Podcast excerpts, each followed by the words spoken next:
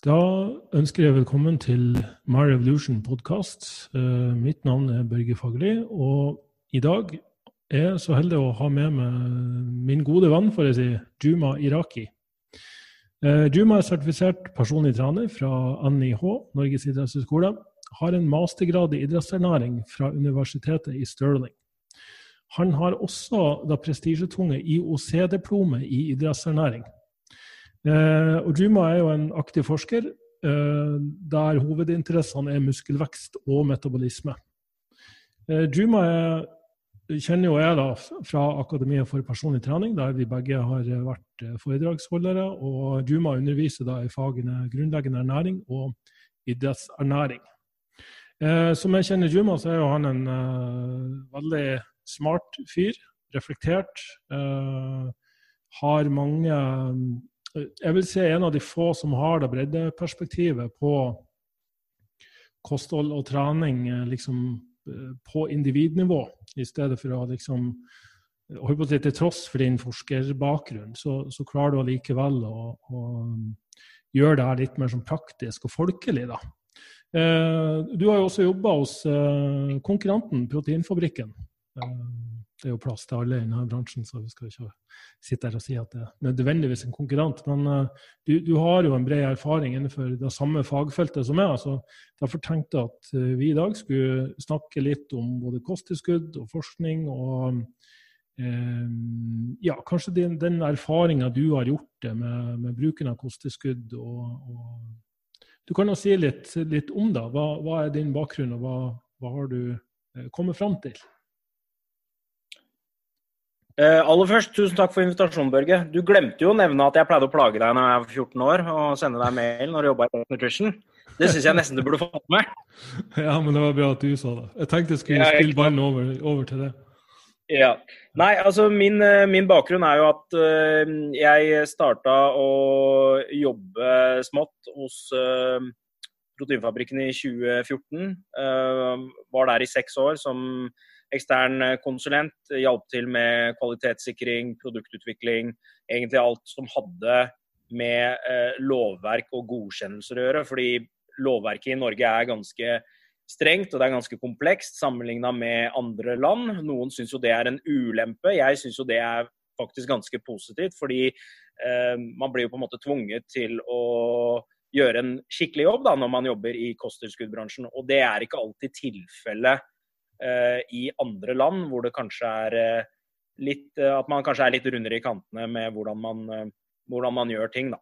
Så i Norge så er det jo sånn at vi har jo forskrifter for hva som kan tilsettes, hva som ikke kan tilsettes i produkter. Vi har lovverk som har med hvor store doser vi kan bruke av tilsetningsstoffer, hvilke tilsetningsstoffer, hvilke påstander man kan ha på Eh, produktene. Alt det er på en måte et veldig firkanta regelverk som man er nødt til å eh, forholde seg til. Og så er det også eh, ganske strengt når det gjelder råvarer og, og den slags også. Da. Så kvaliteten på det som blir levert i Norge sammenligna med andre land, er det en ganske stor forskjell på. Da. Spesielt når man tenker på f.eks.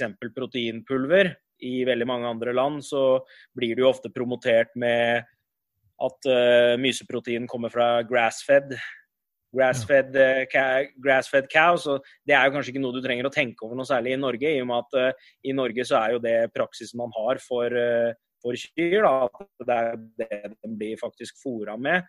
Kontra USA, hvor det f.eks. kan være at de er, det er mye mer kraftfôr som brukes. Det kan være soya og, og mais og den slags. Og det gjør jo noe med fettprofilen eh, til eh, disse dyra og kvaliteten som eh, varene som kommer fra disse dyrene er. Da. Så det er jo også en, en, en forskjell der, kan du si. Mm. Men jeg har jo alltid vært veldig på dette med at kosttilskudd er jo noe du på en måte bruker som et supplement til et allerede optimalisert kosthold. Eh, og nå har det jo vært ganske mye mer eh, forskning, kan du si, på kosttilskudd eh, for prestasjon da, de siste årene. Og da er det jo sånn, i og med at jeg har den bakgrunnen jeg har, og er veldig opptatt av forskning og, og de type tingene der, så, så, er jeg på en måte nødt til å forholde meg til det hva forskningen sier. Litt av problemet som jeg opplever med forskning på kosttilskudd, er at det er ikke alltid det er like lett å måle en signifikant forskjell i studier. Så det kan godt hende at en studie ikke viser en signifikant forskjell, men at det likevel er tendenser eller trender til at her er det noe som gir en effekt. Så for de som på en måte er ute etter å maksimere eh, resultatene sine, si toppidrettsutøvere, så kan sånne bitte små økninger ha noe å si for dem. Ja, ja godt poeng. Um, og så kan man jo se på det her fra to forskjellige tankeganger. At uh, ok, nummer én, hvis det ikke er godt nok dokumentert at det virker, så er det ikke noe poeng å ta det. Uh, og da kan man må vente ganske lenge, uh, avhengig av hvilke krav man har. Hva er liksom minimumsterskelen for hva man skal si er en signifikant forskjell? Og har man drevet litt med statistikk, så vet man jo at her, her, kan da her, her, kan tallene eh, og hvilke tall du bruker, både manipuleres i positiv og negativ eh, retning. Eh, det andre er jo at hvis det er en sannsynlighet for at det virker, men det er høyst usannsynlig at det har en negativ effekt, så kan man jo faktisk si at OK, men det er i hvert fall verdt å ta da, så framt det er billig, da, selvfølgelig, og ikke veldig dyrt. Eh, inntil det foreligger god nok evidens og forskning. Hva, hva tenker du om det? det kommer kom jo litt an på hvem man, eh, hvem man, jobber med, tenker jeg da. Fordi eh, sånn som litt av eh, utfordringen f.eks. med blandingsprodukter når det gjelder å promotere det mot idrettsutøvere, det er jo at blandingsprodukter kan jo da ha ulike typer ingredienser, og alle de ulike ingrediensene kan komme fra ulike forskjellige leverandører, f.eks., som gjør at risikoen vil jo økes for eventuelle forurensninger som kan skje. Og Det er jo noe man har sett i, i kosttilskuddbransjen, at det kan forekomme dette med forurensning av tilskudd, og man kan risikere å få utslag på en dopingtest hvis man har fått i seg noe som man ikke Det er jo litt der dette med regelverket i Norge kommer inn. Rett og slett fordi vi har et såpass strikt regelverk også når det gjelder produkter vi har lov til å, å selge i Norge, så risikoen sånn sett blir jo eh, minimert. Og så er det også Det er jo ikke I andre land så er det mer vanlig at man kan produsere legemidler og kosttilskudd på samme fabrikkanlegg, mm. hvilket gjør at det er en risiko for forurensning. Mens hos norske leverandører så er ikke det tilfellet. Så Vanligvis så definerer man jo ulike typer kosttilskudd som lavrisiko og høyrisikoprodukter. Lavrisikoprodukter vil da være f.eks. proteinpulver, karbopulver, geller og den slags. Mens høyrisikoprodukter vil være mer type blandingsprodukt, sånn som PVO-er f.eks., hvor det er flere ingredienser som er satt, uh, satt sammen. Så Men det man bør nok PVO er da pre-workout? Ja. Ofte stimulanter man tar før trening i sånn pulverform eller drikke for å få mer brus på trening.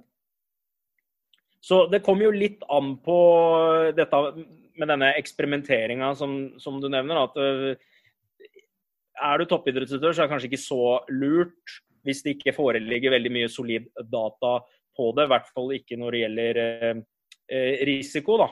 Uh, og det her er jo veldig greit for folk å kanskje vite, fordi jeg vet at et, et tema som, er, som folk irriterer seg veldig mye over, er hvor stor tilgang det er på kosttilskudd i andre land sammenlignet med Norge. Eh, en, av de, en, en ganske omfattende studie fra Geir i 2004, så analyserte de lurer på om det var 635 produkter fra 215 forskjellige leverandører i 35 land i Europa. Eh, og Da snakker vi multivitamin og C-vitamin og egentlig ting som du definerer som lavrisiko. Men når det blei analysert, så var det faktisk 15% av dem som inneholdt ting det ikke skulle. Ja. Eh, enten i form av hormoner eller forurensninger som du ikke ønsker. Og Det er derfor jeg også sier at uh, Litt avhengig av hvordan du ser på det, men det er nok positivt at regelverket er såpass strikt som det, som det er. Rett og slett fordi vi minimerer risikoen for de, de tingene der, da. Mm. Men litt sånn som jeg sa når det gjelder forskning, det er vanskelig i mange tilfeller å måle en signifikant forskjell mellom grupper. Og når du da ser på at enkelte kosttilskudd har ikke en sånn veldig robust økning. Altså det, det, spørs jo hva slags forventninger folk har til ting også. Jeg hører jo om flere folk som sier til meg Nei, jeg tok kreatin en periode, men jeg syns ikke det ga meg så veldig mye. Jeg klarte kanskje å ta to-tre repetisjoner mer på arbeidssettene mine. Og så blir jeg litt sånn Det er jo ganske mye med tanke på at du bare tar et pulver og ikke har gjort noe særlig mer enn det. Mm. Så hva er det du egentlig forventa? Forventer du at du skulle ta 20 kg ekstra i benken og legge på deg 3 kg med muskelmasse? Fordi hvis du har de forventningene, så kommer du selvfølgelig til å bli skuffa. Mm. Men det å ta et pulver som gir deg et par reps ekstra, det har jo ganske mye verdi, syns jeg i hvert fall. I hvert fall når du begynner å bli litt avansert da, og ønsker å melke så mye du kan og hente så mye prosenter som du kan både her og der. Da. Ja. ja, helt enig. Og jeg, jeg tror kanskje at um, det, det, er greit å ha en sunn skepsis, om man da mener at uh, Vær vær, gjerne kritisk til hva man tar, og, og nettopp som du sier, da, det her er jo en jobb uh, vi må forholde oss til hver eneste dag og bevare renhet og kvalitet i, i alle ledd. Og, og, der vi får liksom som argumenter ja, men på svenskegrensen eller i Sverige eller i, på iHerb så får jeg kjøpt et produkt som koster halvparten så mye. Hvorfor skal jeg da kjøpe hos dere? Nei, men Det er jo nettopp da fordi at kvalitet faktisk koster, og, og det å sikre at råvarene er rene. Uh, ja. ja det, det, krever litt mer, og så har vi, uh, så har vi toll og moms i, i Norge som, som, gir et påslag i pris. Så, så det er verdt hver eneste krone, syns jeg, da, å kunne bruke produkter som, som jeg vet hva inneholder. Og det var jo derfor jeg starta med Revolution i sin tid. Det var jo for å kunne også selge produkter som jeg sjøl ønska å bruke. da. Um, og jeg er jo ikke den første til å ta kosteskudd. Jeg ser jo alltid på kostholdet først, og da, da vet du at du også gjør. Men hvis, hvis man skulle gi en sånn smørbrødliste eller noe sånt altså, Det beste er jo selvfølgelig at du snakker med en person og får vite hva de spiser, og eventuelt identifisere noen mangler. Men hvis, hvis det kommer noen til deg og sier du, uh, hei, eh, kan du anbefale meg noe kosteskudd? Jeg ønsker f.eks. å legge på muskler og brenne fett. Det er en klassiske. Hva, hva svarer du da? Det er jo et veldig godt spørsmål. Måten jeg pleier å gjøre det på med kosttilskudd, er jo at eh, jeg deler det inn i to generelle grupper. En gruppe som er kosttilskudd du bruker for å eventuelt dekke inn behov du ikke klarer å dekke fra kostholdet ditt. Eksempelvis proteinpulver, omega-3, multivitamin, mineraltilskudd. Ehm, det er jo da ting vi kan bruke hvis man f.eks. har eh, restriktivt kosthold, lavt energiinntak, har problemer med å få i seg nok proteiner, liker ikke fisk, eh, lavt inntak av frukt, grønnsaker og bær. Eksempelvis så kan vi bruke sånne tilskudd. Så har du den andre bolken som går på prestasjonsfremmende eh, kosttilskudd, som gjerne er de kosttilskuddene folk er eh, interessert i. da.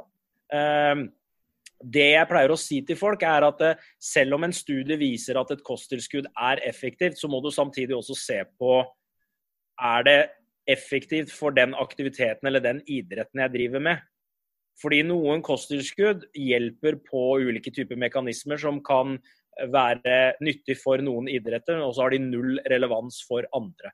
Eksempelvis eh, beta-alanin, som er et av tilskuddene jeg anbefaler, ser jo ut til å funke veldig bra hvis du driver med type eh, kampsport eller lagidretter eh, og den slags. Og det har noe med hva er det beta-alanin gjør i kroppen? Det øker konsentrasjonen av noe som heter karnosyn. karnosin. Og Karnosin fungerer som en sånn pH-buffer som gjør at det tar litt lengre tid før du opplever eh, melkesyreopphopning, altså laktatopphopning i muskulaturen din. Så hvor stor relevans er det for en styrkeløftutøver eller vektløfter å bruke noe sånt? I og med at de ikke trener på en måte hvor det vil akkumuleres laktat, så har det veldig lite relevans for dem å, å bruke noe sånt. da. Og det er det jeg mener med at eh, man må på en måte også tenke litt på hva slags type idrett er det jeg driver med? Eh, hva slags type aktivitet jeg, eh, driver jeg med? Og om de kosttilskuddene er effektive for det jeg gjør. Hvis vi begynner med det, det som ser ut til å gi eller det som ser ut til å ha en god effekt, men også er samtidig ganske universalt basert på hva du driver med, så er det koffein. Koffein ser ut til å fungere både bra når det gjelder utholdenhetsidretter og kraftidretter. Når det gjelder styrketrening, så ser man at eh, det er lengre tid til eh, utmattelse ved bruk av koffein. Eh, det fører til økt, økt kraftutvikling. Det er også ulike typer stoffer som utsondres når man bruker koffein, som kan være positivt for muskelvekst. Så koffein er på en måte for meg så er det så lenge du ikke er veldig sensitiv og det påvirker nattesøvnen din, fordi det er noe noen som opplever, så er koffein min nummer én go to eh, kosttilskudd. Hvis vi skal begynne øverst på, på, lista. Det folk glemmer litt, det er jo at eh, mange av disse PVO-ene, pre-workouts, stimulantene, kan ha ganske høye doser med koffein. Eh, og det er jo gjerne generelt anbefalt å få i seg et sted mellom 3 og 6 mg per kilo kroppsvekt eh, ca. en time før aktivitet for å få denne prestasjonsfremmende effekten. Men eh, da skal man også være litt sånn påpasselig med tidspunktet man tar det på. I og med at koffein har ganske lang halveringstid, så kan det på, begynne å påvirke nattesøvnen din. Så hvis jeg hadde fått et spørsmål om hva, hva syns jeg er viktigst, er det viktigst at jeg får litt ekstra energi fra koffein før trening, eller er det viktigst at jeg faktisk får kvalitetssøvn før jeg legger meg? Så er det definitivt søvnen som er betydelig viktigere enn hva koffeinet gir av prestasjonsfremmende effekt. Så med tanke på at uh, halveringstiden er ca. seks timer, så hvis jeg hadde drukket to Red Buller klokka seks på ettermiddagen, så ville jeg fortsatt hatt én Red Bull sirkulerende i blodet mitt ved midnatt. Og det er jo mange som sier at uh, uh, de får ikke noen innsovningsproblemer av koffein.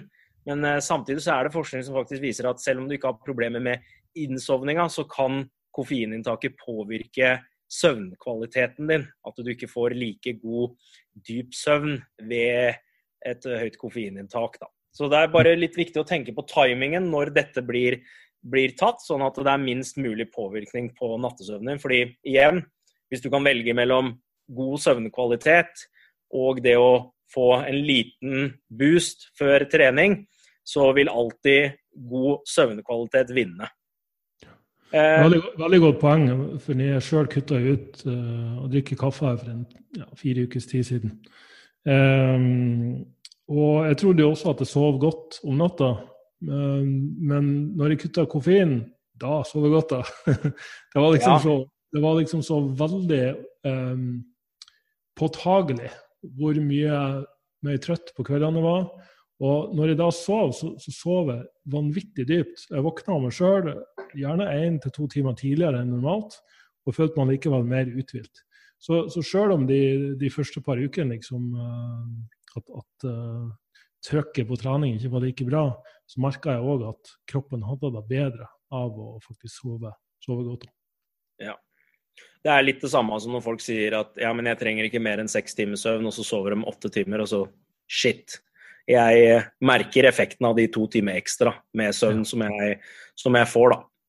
Så det er nok mer den derre at man har blitt vant til noe, og så tenker man at det er helt normalt, til man prøver ut noe som er eh, mer optimalt. Da så ser man ganske klart og tydelig forskjellen der, da. Ja. Um, Nummer to på lista er jo, hvis eh, fokuset er muskelvekst, er jo kreatin. Kreatin har jo over Kom jo ut på jeg tror det var 95. Koffein eh, ble liksom offisielt kommet ut. 1995. Kanskje tidligere. 1990. Et eller annet. Kreatin, ja. ja. Eh, og viste ganske tidlig at eh, det hadde ganske positiv effekt. Eh, Bl.a. viktig for regenerering av energi til eh, cellene våre, men hadde også en ganske god effekt på eh, kraftutvikling og eh, muskelvekst. Det folk kanskje ikke er klar over, er at én ting er jo hvilken effekt det har på hvilken effekt det har på styrkenivå. Og blir man sterkere og løfter tyngre, så vil jo det potensielt føre til mer muskelmasse. Men man ser også at kreatin har en positiv effekt på, på cellenivå. At det er ulike signalveier hvor faktisk kreatin kan være positivt for uh, muskelvekst. Uh, og Per dags dato så er det jo over 200 studier som viser at uh, kreatin er effektivt. mange ulike varianter av kreatin som er på markedet i dag, men per dags dato så er det ingen av de andre kreatinvariantene som har vist bedre effekt enn kreatin monohydrat. Jeg tror det er litt sånn misforståelse blant folk, fordi folk har en sånn oppfatning at kreatin monohydrat er det eneste som funker, og så funker ikke noen av de andre variantene. Det er egentlig ikke det forskningen viser. Forskningen viser bare at eh, de andre variantene ser ikke ut til å ha en bedre effekt enn kreatin eh, monohydrat. Ehm, så det er jo forskjellen. Eneste er kreatinetylester, som for en del år tilbake viste seg å kunne konverteres mer til eh, kreatinin, som er avfallsstoffet i nyrene våre. Uh, Blei jo egentlig raskt tatt av markedet fra mange av de store produsentene etter at den studien kom, fordi den rett og slett viste en negativ, eh, en negativ effekt. Da. Mm. Men kreatin er solid forskning, ganske billig å bruke. Man kan enten ta en loading-fase, 20 gram fordelt på fire doser hver dag i 57 dager. Da vil man mette eh, kreatinfosfatlagrene i kroppen. Eller så kan man ta 3 gram daglig i 3-4 uker, så vil man oppnå det samme. Så litt avhengig av din situasjon. Hvis du f.eks. har en konkurranse, en styrkeløftkonkurranse eller den slags, og må fylle på lagrene raskt, så kan du bruke loading-fasen. Men for majoriteten av folk så kan man bare gå på vedlikeholdsdosen og være eh, tålmodig. Det folk sliter litt med når det gjelder kreatin, er at noen har en tendens til å kunne oppleve fordøyelsesplager. Og det handler mer om å løse opp kreatinet godt nok. Fordi uløst kreatin kan for de med sensitiv mage føre til irritasjon på tarmslimhinnen, og da forårsake kramper, diaré, eh, oppblåsthet og den slags. Så det man kan prøve på, er å rett og slett sørge for å bruke nok vann. Jeg pleier å anbefale 100 ml vann per gram med kreatin du tar. Eh, og det ser ut til at det løser seg lettere ut i varmt vann kontra kaldt vann. Så hvis du, er, hvis du har prøvd kreatin før og hatt tendenser til å krampe opp eller få vondt i magen, så kan det være et tips å teste ut. Bruk varmt vann, bruk nok vann. Eh, løs ut ordentlig, og så eh, drikker du. Eh, utover det så er det ikke så mye negative bivirkninger med, med kreatin. Man kan få litt hodepine hvis man ikke drikker nok vann, men det er ikke bare muskulært at man ser at kreatin har positive effekter. Man har også sett eh, fordeler med Eh, kognitive ferdigheter. Man har også sett eh, på sykdommer sånn som Alzheimer og Parkinson, hvor det også kan være positivt med, med kreatin. Så det virker å ha flere bruksområder. Eh, men primært så er det kraftidretter man ser at kreatin har den beste effekten. Men selv i idretter som fotball og, fotball og hockey og basketball, så har man også sett studier hvor kreatin ser ut til å være um, veldig effektivt. Da. Det var jo faktisk det første. Jeg fikk, et spørsmål da, fra en som, um, som sa Han var litt sånn glamsk, altså. Så han lurte på om var det noe, Han ennå ikke klart å finne noe forskning. Eh, var det noe problem å ta f.eks. 20-25 gram i én dose, og så kunne det kanskje gå en to-tre dager før han huska på å ta neste dose? Har du sett noe forskning på det? Eh, det er en studie faktisk fra Willoughby for en del år tilbake. Det er fra Baylor University, hvor de, hvor de ser at uh, tar du for mye kreatin på én gang, så er det veldig mye kreatin som skilles ut. Så det er en fordel faktisk med å, å, å dele ut dosen. Og her snakker vi også om ganske fordi denne studien var jo egentlig mer ment til å se på hvor lite kreatin kan du komme unna, basert på kroppsvekt. da. Uh, og det er ganske små mengder Selv om vi sier ofte fem gram, så ser man faktisk at 0,03 gram per kilo kroppsvekt er det de har kalkulert seg frem til. Så for mindre jenter f.eks. så kommer man unna med to gram. Mens opptil 100 kilo så kan det være nok med tre gram uh, kreatin daglig. Da. Men uh, det er også en større risiko for fordøyelsesplager hvis du tar såpass mye kreatin Eh, på en gang. Men det, akkurat det der er det flere som har litt problemer med å være consistent med inntak av eh, kreatin. Eh, men hvis du klarer å si i løpet av en uke, hvis du fem av syv dager har klart å ta kreatin, så vil du ikke merke noe altså, Det vil fortsatt være effektivt, selv om du ikke tar det Det mest optimale er å ta det selvfølgelig hver dag, men du har på en måte ikke ødelagt noe hvis du glemmer en dag her og der. Eh, for det er ikke sånn at verdiene faller eh, så fort. Det tar faktisk et par uker før eh, verdiene er tilbake til normale. Ja. En annen ting som også er verdt å nevne, er jo at 30% ser ut til å være non-responders til kreatin. Dvs. Si at de får ikke noe effekt av det. og Det kan være flere årsaker. Det kan enten være at kostholdet deres har et veldig høyt inntak, altså hvis, har, hvis du har et veldig høyt inntak av animalske proteinkilder, spesielt eh, fet fisk og rødt kjøtt, så kan det være at du får nok kreatin derfra. Eh, det kan være at du naturlig, eh, genetisk sett, har fulle kreatinfosfatlagre.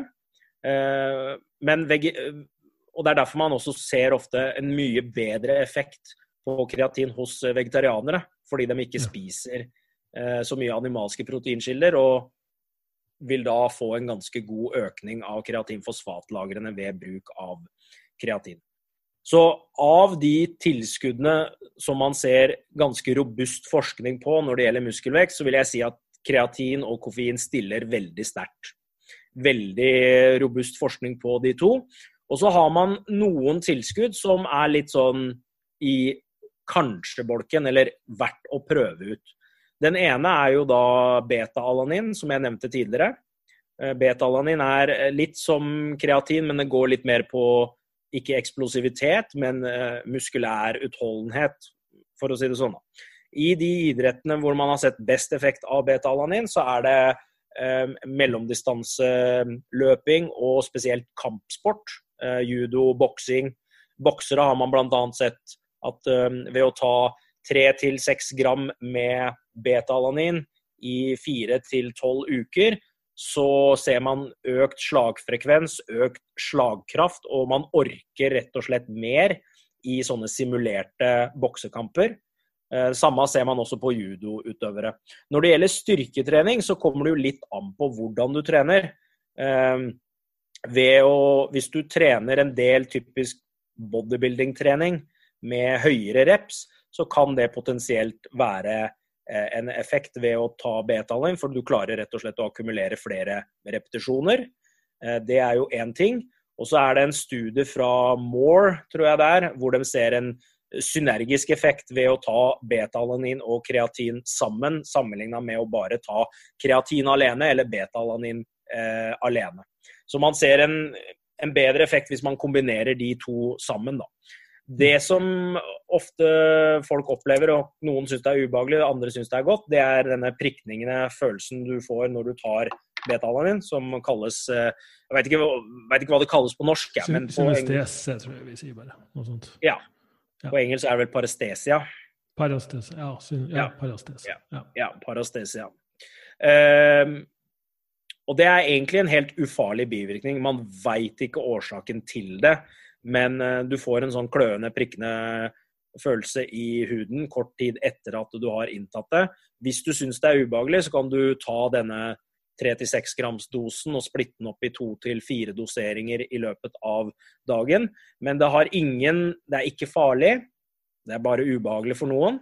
Og så har det heller ikke noe prestasjonsfremmende effekt, som veldig mange tror. For det er mange som sier at jeg tok, det, jeg tok, dette produktet, og så begynte det bare å prikke i hele kroppen. og Jeg følte meg så bra, men det har ikke noe prestasjon. Jeg kjenner, jeg kjenner at det virker. Jeg kjenner at det virker. Ja, det, jeg kjenner at det virker. Du må, teste ut den, du må teste ut det produktet her, for med en gang jeg tok det, så begynte det å prikke.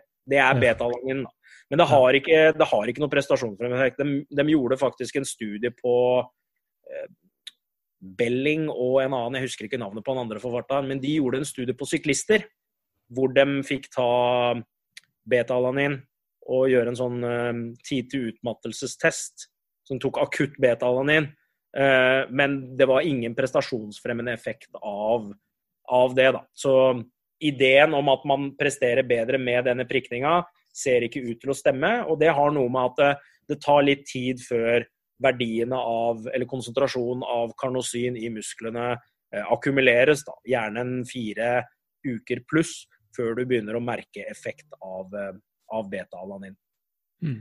Aller siste på min liste, og det stopper vel egentlig der når det gjelder prestasjonsfremmende tilskudd, spesielt for muskelvekst, det er citrulin malate. Så citrulin ser ut til å Før i tida så var jo arginin et veldig populært tilskudd, fordi ideen var at hvis du tok aminosyren arginin, så ville det føre til økt nitrogenoksid i kroppen, som igjen Nitrogenoksid det gjør jo at blodet lettere strømmer igjennom kroppen, så det er lettere å få pump, og mer blod går til muskulatur. Da. Dessverre så er det sånn at når arginin blir inntatt oralt, så brytes det ned i tarmen og kommer egentlig aldri ut der hvor det egentlig skal. Da. Så citrulin kom på banen, og det, det, som skjer i kroppen med citrulin, er at citrulin malate klarer å overleve den, det sure miljøet i, i magen. Da. Den magesyren ødelegger ikke citrulinen. Uh, og så blir faktisk citrulin konvertert til arginin i kroppen i mye større grad enn hva oral arginin gjør i seg sjøl. Og Der er det litt varierende hva man har sett på studier. Man har sett noen studier som viser at du klarer å løfte mer, at du tar flere reps, at det tar lengre tid til utmattelse, at du får redusert muskelsårhet etter trening. Og så er det noen studier som viser at det ikke gir noe særlig effekt i det hele tatt. Men eh, Trexler og kollegaer kom ut med en metaanalyse. Da tror jeg det var åtte eller ni studier de hadde gjennomgått. og Den kom ut i 2019, hvor de konkluderte med at effekten av citrulin ser ut til å være ganske lav, men av verdi for de som ønsker å maksimere resultatene sine. Spesifikk eh, toppidrett, da, hvor du ønsker å få et par prosenter ekstra, så konkluderte de med at det kunne ha eh, effekt for, for de. Da. Så Dosen du trenger å ta med citrulin, er 6-8 eh, gram per dag. Det tas på lik linje med koffein akutt før trening, 30-60 minutter. Eh, og du må ganske høyt opp i dosene. Og det er jo det som er litt av problemet, fordi citrulin er jo veldig surt. Det smaker jo rett og slett eh, svartedauden når du prøver å drikke det reint. Så det gjelder å finne en god kombinasjon for å, for å få det i deg. Vanligvis så blandes det bedre ut med noe som allerede er ganske surt. Så Sprite Zero, Zero med limesmak, et eller annet sånn, funker det bedre å innta. Men det å prøve å drikke sitrulin i vann, det unner jeg ikke min eh, verste fiende, for det smaker ikke noe godt. Nei, sant. Nei, det jo, gjelder jo mange av de kosttilskuddene òg. De smaker ikke spesielt godt, den råvaren. da. Så da må man bruke litt smakstilsetninger og søtning for å maskere, da. Ja. Uh, enn hvis man uh, ønsker å få beachbody 2020, hva, hva, gjør man da? Egentlig så er jo oppskriften på det ganske enkelt i teorien, men i praksis så er det ikke så enkelt. Men uh, det det Altså det viktigste, og der, der hvor man ser folk feiler aller mest, det er jo Begrensende faktoren for veldig mange er jo sultfølelse. Ja. Så når man ser på kosthold, så ser man at eh, det er ikke vanskelig å få folk ned i vekt, men det er vanskelig å få folk ned i vekt og holde dem nede. Så 95% av de som går ned, går opp igjen i løpet av fem år. Eh, og da er, det, da er det jo litt interessant å se på hva er det disse 5 gjør annerledes enn alle andre, som gjør at de lykkes med det. Og det er jo rett og slett eh, De har et mye mindre anstrengende forhold til mat. Det høres veldig rart ut at man har et mindre anstrengende forhold til mat, men et problem som veldig mange har, det er jo denne svart-hvitt-mentaliteten. Jeg vet jo at du også har eh, snakket veldig mye om akkurat dette, men sånn, sånn det fungerer i praksis da, når man har en sånn svart-hvitt-mentalitet, det er man spiser bra mandag, tirsdag, onsdag, torsdag. Jeg pleier faktisk å bruke det her som et eksempel. så pleier Jeg å si også, jeg pleier faktisk å bruke deg. Du har med banankaker på jobb. Ja. Mandag, tirsdag, onsdag, torsdag, og så på fredag så har Børge med seg banankake på jobb. Og så, tar du et, og så tar du et kakestykke, og så normalt sett, når du tenker svart-hvitt, så tenker du OK, jeg tok det stykket som Børge hadde med, meg, med seg. Nå er kostplanen min helt fucked. Og nå mm. er det fredag. Nå kan jeg like godt bare fortsette å spise på fredag, lørdag, søndag og få dette ut av systemet mitt. Mm. Og begynne på nytt på mandag. Fordi jeg har ikke tenkt til å gjøre det igjen. Og så kommer mm. du til neste fredag, så skjer det samme igjen og igjen og igjen og igjen. Så det man kanskje må jobbe litt med, det er den mentaliteten man har, da. Fordi er du 100, Hvis du skal være 100% hele tida, så er du på en måte nesten dømt til å feile. For det er alltid et eller annet som dukker opp. Så Mm. det gjelder å på en måte innarbeide vaner og rutiner som er bærekraftige over tid. Da. Det høres kjempekjedelig ut, men det er det som ser ut til å funke. Og det gjelder ikke bare kosthold, det gjelder også treninga di. Altså realistisk sett, hva, hvor mye trening er det realistisk at du klarer å gjennomføre dag ut og dag inn resten av livet ditt? Mm. For det sier seg sjøl at er du en familiefar, har en hektisk jobb, mye stress i livet ditt, så er det veldig lite realistisk at du skal klare å trene seks-syv dager i uka og være consistent med det. Samme er det også med kosthold. At eh, du må på en måte klare å strukturere et kosthold som du klarer å leve med. Så det er Mm. bedre å være 80% majoriteten av tiden enn å prøve å være 100% og så feiler du hver uke, eller klarer du bare å opprettholde det i tre-fire uker. da. Så tilbake til det jeg sa med at i, i teorien så er det det at du må være i et underskudd av kalorier. Men det er også ting du kan gjøre som, som kan bidra til at eh, ikke nødvendigvis vekta di går ned så veldig mye, men din kroppssammensetning blir bedre. Det er jo rett og slett altså, For de fleste så klarer man faktisk å bygge muskulatur og gå ned i fettprosent samtidig, med mindre man er superavansert. Så for meg, når jeg jobber med folk, så er, så er det nesten forventet at jeg ser en sånn endring på det. Og der er jo fokuset et moderat kaloriunderskudd, et høyt nok proteininntak, og jeg legger gjerne folk på to, mellom 2 og 2,5 eh, gram proteiner per kilo kroppsvekt.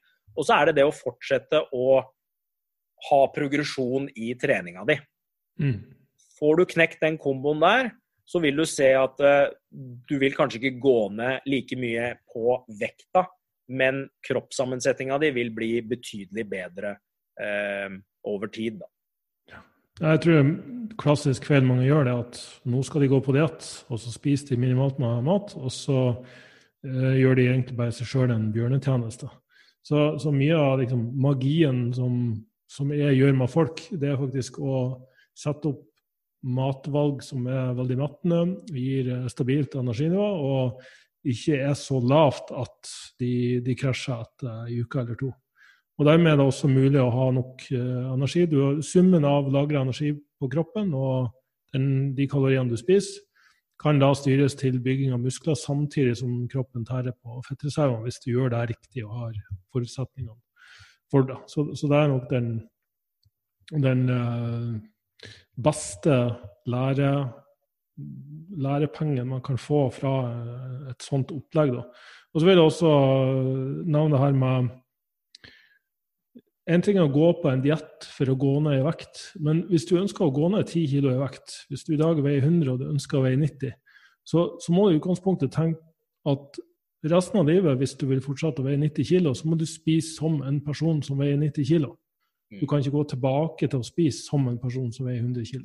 Så, så helt 140 enig i det du sier med å du må endre tankesett, du må endre livsstilsvaner, du må endre spisevaner for å klare å opprettholde den, den vektreduksjonen. Ja, og så må du rett og slett tenke litt tilbake til det, det jeg sa, at du, det må være levbart. Her er det ikke snakk om at du skal spise akkurat det du vil. fordi det blir, det blir mer enn den derre OK, så mye energi trenger du, og så er det det å gjøre folk bevisste på at du kan spise akkurat det du vil, men det er mer fornuftig å spise det her, fordi her kan du faktisk spise et mye større volum av mat, som igjen vil gjøre at du føler deg mettere. Fordi sultfølelsen er jo det som er definitivt vanskeligst uh, å, å, kjempe imot, og det er jo der folk feiler, da. Så det gjelder å på en måte finne uh, matvarer som, som, som metter bra, og mer fornuftige valg. Eksempelvis, da. Banan er det jo ikke noe galt med. Banan er jo kjempegodt og inneholder mye næringsstoffer, men begynner å bli ganske lav på kaloriene når du skal ned i vekt, så er det mer fornuftig f.eks. For å spise 300 gram med bær. Kalorimessig så vil det være omtrent det samme, men du har tre ganger så stort volum med mat. Og magesekken din den responderer ikke på hvor mange kalorier du spiser, den responderer på hvor mye strekk blir det faktisk på magesekken din. Så teknisk sett så kunne jeg tatt en ballong da, og blåst den opp i magen din. Så ville det på en måte bidratt til at, at, det blir signalisert at du er full og mett. Men jeg har jo ikke tilført noen kalorier. Så det er litt det samme med mat, at du må prøve å velge, da. Et annet eksempel er jo potet og ris. Spiser du 100 gram med ris, så kunne du spist 400 gram med potet.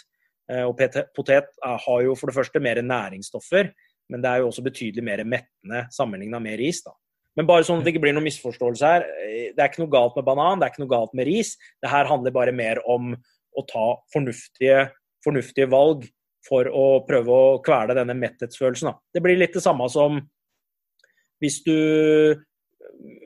jo, jo, høyere kaloriinntak du har, jo større spillerom har du, på en måte. Litt det mm. samme som når du kjøper når du, Hvis du skal kjøpe en bil, da. Ikke sant? Hvis du tjener en, hvis du tjener en million pluss i året, så kan du sikkert unne deg å kjøpe en, en Porsche eller en, en, BMW X5 eller en Tesla eller noe sånt. Men eh, du kan fortsatt gjøre det også hvis du tjener 300 000, men det er kanskje ikke det mest fornuftige bruk av penger og økonomi. Så det blir litt det samme med eh, energi og kalorier også. Da, at eh, du kan gjøre akkurat det du vil, men eh, det er noen valg som er mer fornuftige enn andre. Da, spesielt mm. når målet ditt er å gå, gå ned i vekt.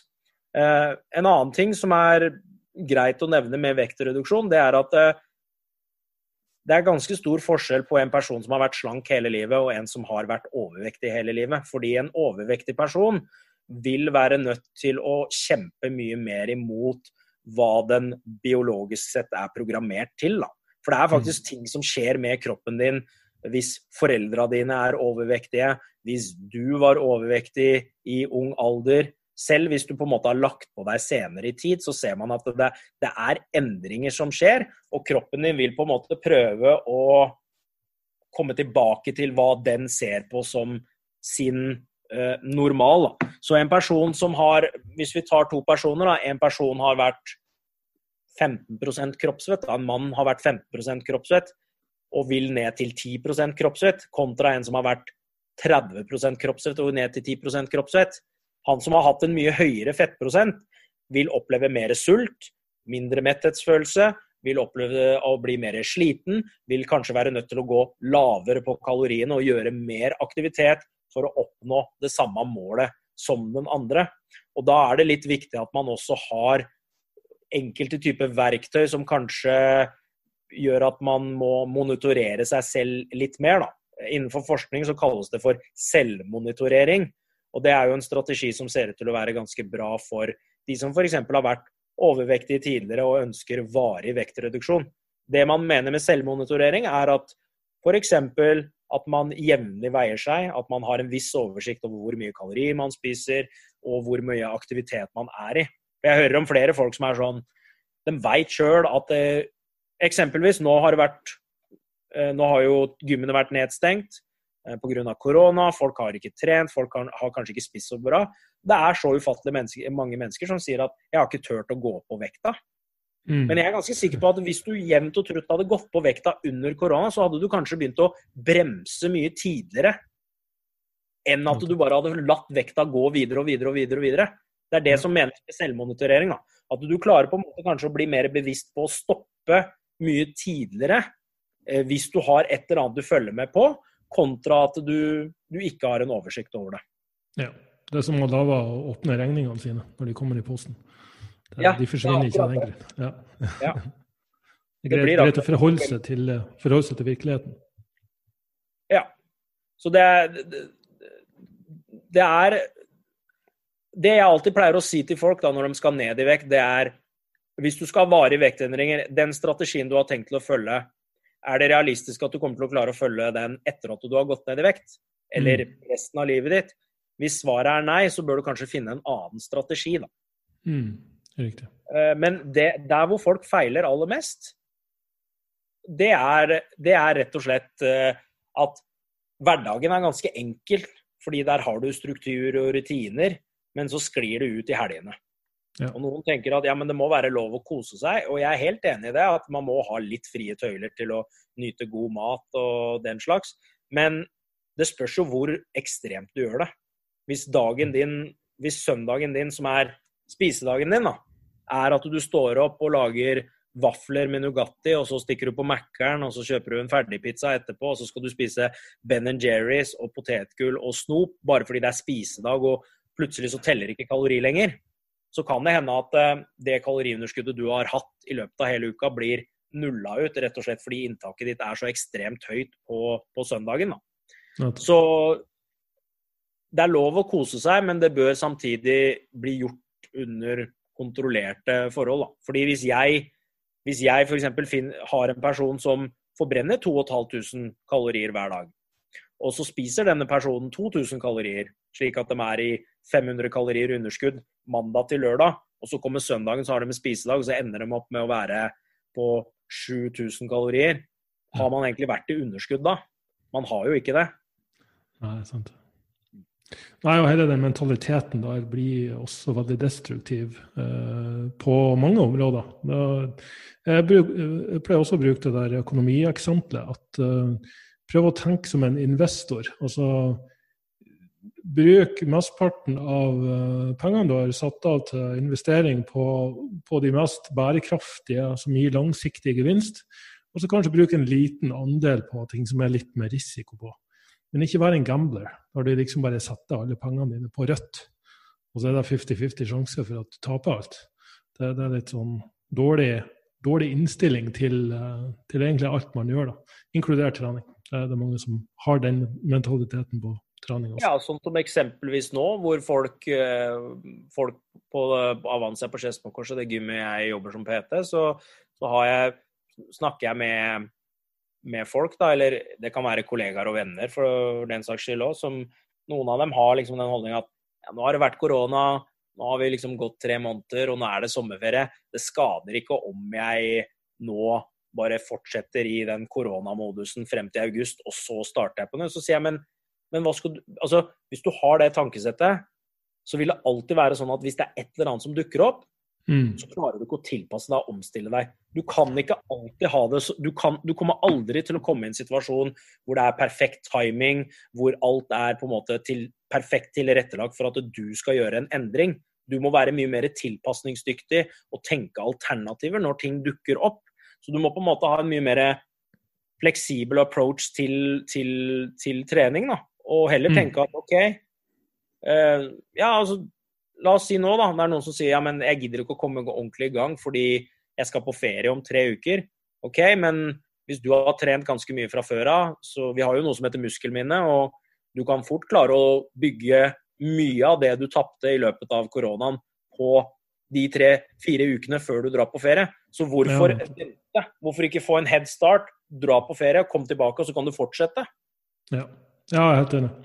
Og det her går litt på at ja, det, det er bedre å legge planer. tenker jeg at F.eks. ok, mandag, onsdag, fredag så skal jeg dra på gymmet klokka fem etter jobb. Eh, og hvis det dukker opp noe hinder, hvis det kommer noe i veien, så flytter jeg det til dagen etterpå, eller så tar jeg det på morgendagen. Altså, eh, for det der med å faktisk sette seg ned og planlegge og ha en plan på hva du skal gjøre, eh, og så ikke bare kaste alt ut eh, av vinduet med en gang det, oppstår en situasjon, sånn som den koronakrisen her, da. Det, det, er jo sånn OK, det her skjedde, da må vi forholde oss til. Da må vi finne et alternativ. Så f.eks. begynne med hjemmetrening på stuegulvet, selv om jeg må ærlig innrømme jeg er dritlei av det.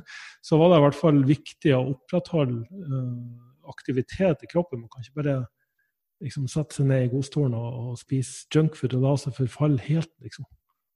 Ja, for det blir bare Altså, det blir som å Det er, det er eksempelet har jeg sikkert brukt en milliard ganger, men det blir som å, det blir som å kjøre på E6-en og punge et dekk, da. Så istedenfor mm. å skifte dekk og kjøre videre, så går du ut og så stikker du høl i de tre andre dekka i tillegg. Ja. Ja. Det, det, gir ingen mening. Og det er jo litt sånn folk approacher trening og, um, og kosthold. Da. Og jeg er helt enig med deg når du sier det der, når, når, du skal være så rigid med at mandag, onsdag, fredag skal jeg trene klokka fem, og så dukker det opp et eller annet, så blir det sånn ja, i dag har jeg et møte klokka fem, så da får jeg ikke trent. Når jeg setter opp treningsprogrammet, så skriver jeg aldri dager. Jeg skriver bare dag én, dag to, dag tre, dag fire. Fordi da blir du ikke låst i den tankegangen. Ja, OK, du rakk mm. ikke å trene på torsdag, da kan du ta dag tre på fredag. Eller kanskje du må trene i helga for å få inn det du skulle trene. da. Og nei, jeg kan ikke trene dag tre på mandag, for det er jo vanligvis dag én. jeg har ja, innimellom fått den også. Det er sånn, ja, men da blir det jo feil. Da, da blir det dag tre, to, tre, én og to denne uka. Ja, ja, men så blir det da, da. Det er, uketallet er oppfunnet av uh, Judas, så det er ikke noe jeg trenger å forholde til. Aller helst skulle vi hatt åttidagersuka og 25-timersdøgn. Ja, mm. jeg, er helt, jeg, er helt, enig. Da hadde det vært litt, uh, litt enklere. Men eh, de, de, de, fle, de, fleste, sånn som Alle veit strengt tatt hva som skal til for å gå ned i vekt. Ikke sant? Aktivitetsnivå og eh, opprettholde et kaloriunderskudd. Det er bare det at for mange så blir det vanskelig å gjennomføre det. Rett og slett fordi de også blir veldig firkanta i måten de tenker på. Mm. Veldig sånn Veldig sånn Spiser jeg det, så går jeg ned i vekt. Spiser jeg det, så legger jeg på meg. Gjør jeg det, så går jeg ned i vekt. Hvis jeg ikke gjør det, så skjer det ingen Det er ikke sånn kroppen funker. Eh, det er ikke så, det er ikke så firkanta. Men det er mer den derre fine Og så tror jeg folk er veldig utålmodige. Ikke sant?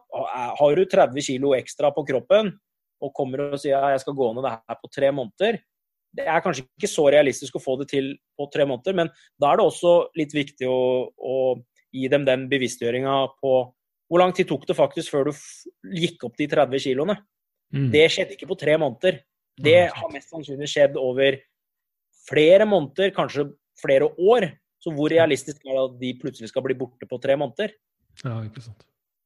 Og en, en, ting som også er verdt å nevne. Jeg har jo på Oppe på Avanse her så har jeg jo en, en testlab hvor jeg kan måle eh, metabolismen til folk. Jeg kan måle det som kalles for eh, hvilestoffskifte via noe som heter indirekte kalorimetri. Så måten det fungerer i praksis, er at du ligger på en benk og hviler, og så har du en maske som måler hvor mye oksygen du tar opp. Og for hver liter med oksygen så, for, så tilsvarer det fem kilokalorier. Så den mengden energi som blir målt da, det er hva du hadde forbrent hvis du hadde ligget i fullstendig ro og ikke rørt deg. Fordi fortsatt så er det sånn at hvis du ikke er i aktivitet, så er det fortsatt en x antall kalorier som må forbrukes til å opprettholde viktige livsfunksjoner i kroppen. Nyrene dine skal jobbe, og, lev, og lungene dine, osv. osv. Og det som dessverre skjer da, når man går ned i vekt, og hvorfor man kanskje ikke burde drive med jojo-slanking, det er at la oss si du starter på 100 kg, og hvilemetabolismen din er 100% Og så går du ned til 90 kg, og så går hvilemetabolismen din ned til 90% hvis vekta di da smeller opp igjen, altså du går opp de 10 kiloene veldig raskt etter en diett som du har fulgt, mm. så er det ikke sånn automatisk at hvilestoffskiftet ditt går tilbake til 100 selv om vekta di gjorde det. Det kan hende at den holder seg nede på 90, og før du på en måte har latt den normalisere seg igjen, for det tar jo litt tid, så har du bestemt deg for å gå på en ny diett. Over tid så kan det tallet bli lavere. Så neste gang La oss si du gikk tilbake til 100 kg, men hvilemetabolismen din nå starter på 90. Og så går du ned til 90, og så gikk hvilestoffskiftet ditt ned til 80. Og så går du mm. opp igjen, osv. Over tid så gjør jo det at hvilestoffskiftet ditt blir lavere og lavere. Hvilket betyr at det kreves mer av deg for hver gang du prøver å gå ned i vekt. Enten så må du være mer i aktivitet, eller så må du spise enda mindre. Så det er litt en sånn type forsvarsmekanisme fra kroppen din for å unngå at du går ned i vekt. da. Og Derfor er det ikke så lurt å gå på sånne krasjdietter.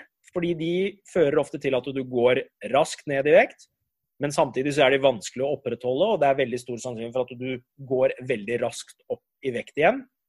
Og så blir det en sånn ond, ond spiral. Ja. ja. det er jo de, de aller fleste. Nei, men uh, Juma, uh, vi skal begynne å avslutte her nå. Dette var jo en uh, vi har vært innom mange forskjellige temaer. Utrolig interessant. Um, hvor kan folk følge det og finne ut mer om, om det? Vi kan gå på nettsida mi, juma, juma, iraki.com. Uh, ellers så er jeg aktiv på Instagram, coach Juma Iraki, hvor jeg legger ut ganske mye um, informasjon og kjører regelmessig Q&As om temaer relatert til trening, kosthold, kosttilskudd. Og så har jeg en YouTube-kanal hvor jeg legger ut sånne korte videosnutter om trening, kosthold og kosttilskudd. Det er da youtube.com slash coachjuma iraki. Så det er egentlig de to plattformene jeg er uh, mest aktiv. Instagram og YouTube-kanalen. Ja. Ja, men Tusen takk, Juman. Det var veldig hyggelig at du kunne være med. Det er altfor lenge siden vi har uh, snakka sammen også, så, så, det var gøy å kunne sitte og Jo, bare hyggelig. Tusen takk for invitasjonen. Det var hyggelig å chatte litt med deg igjen. Yes. Da får du ha en fortsatt fin dag. Takk, det samme. Så snakkes vi. Ha det bra. Ha det.